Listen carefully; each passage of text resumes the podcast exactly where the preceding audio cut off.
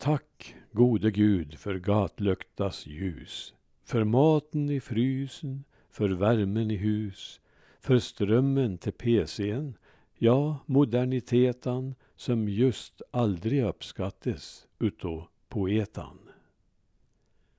Ja, denna strömmen höss skulle väl klara oss utav den. Här kommer en artikel ur Värmlandsbygden den 18 november 2010 om just elektriciteten.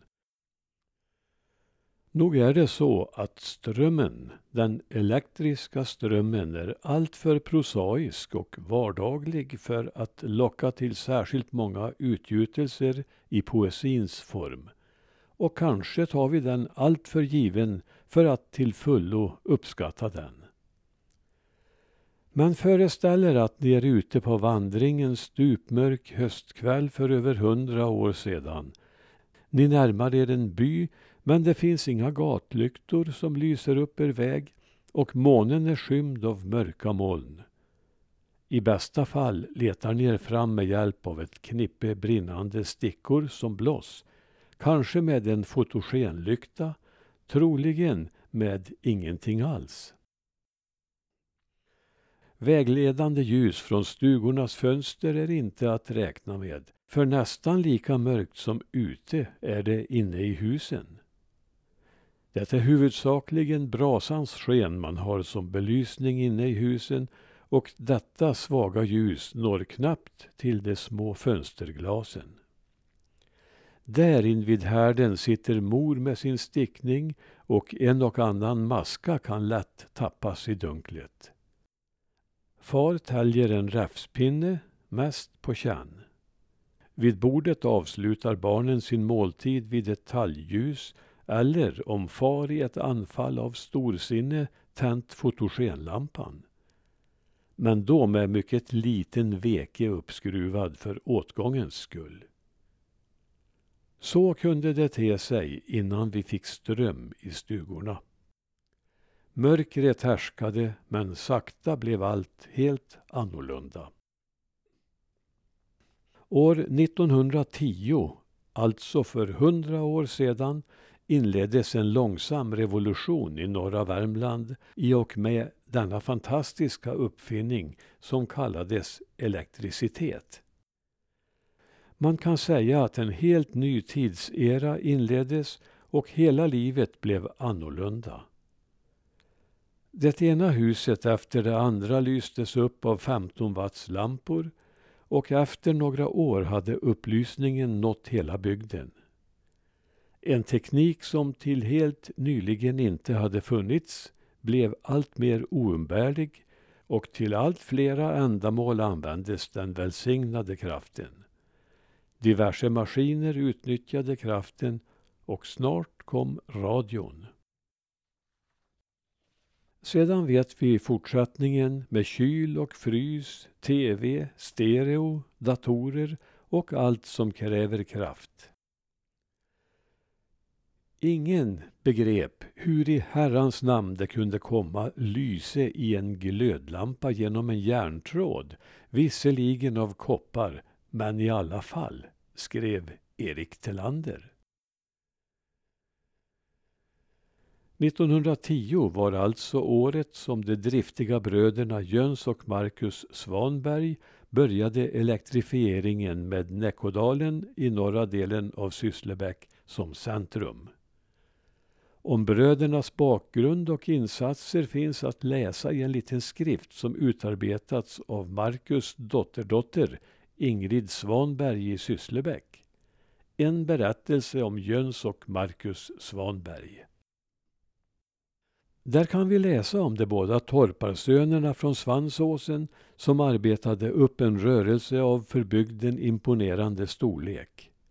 Bröderna Svanbergs såg och snickerifabrik sysselsatte som mest 30 till 35 arbetare för omkring ett sekel sedan.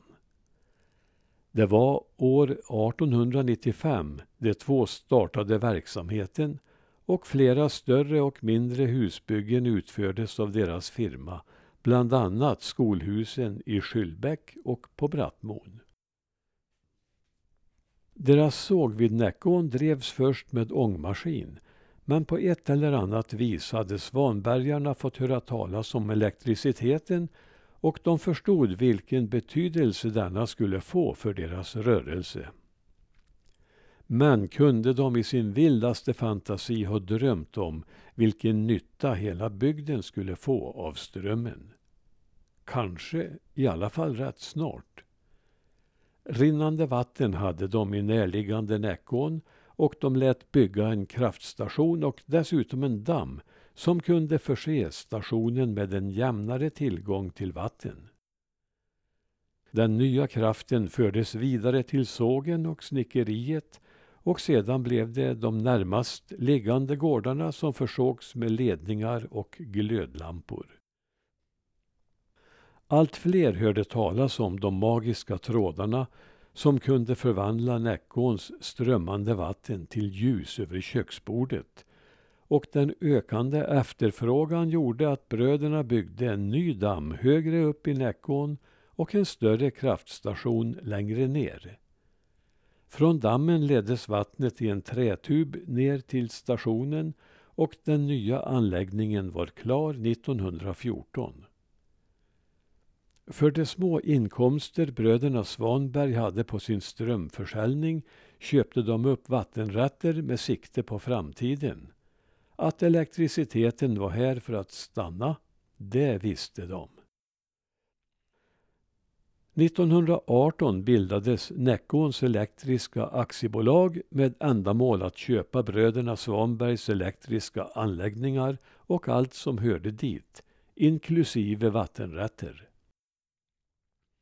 Den första styrelsen bestod av Johan Markusson Svanberg vid Näckån, nämndemannen Jon Jonsson i Brannäs samt hemmansägaren Marcus Jakobsson Nedergården. Suppleanter var Marcus Svanberg vid Näckån, handlanden Bengt Lindov Slättne och hemmansägare Bengt Bengtsson Lillbergsgården. Allt flera blev beroende av den elektriska kraften och 1919 beslutade bolaget att bygga Digerfallets kraftstation i Tåsan och redan ett par år senare stod anläggningen klar. 1932 installerades där en andra turbin och generator.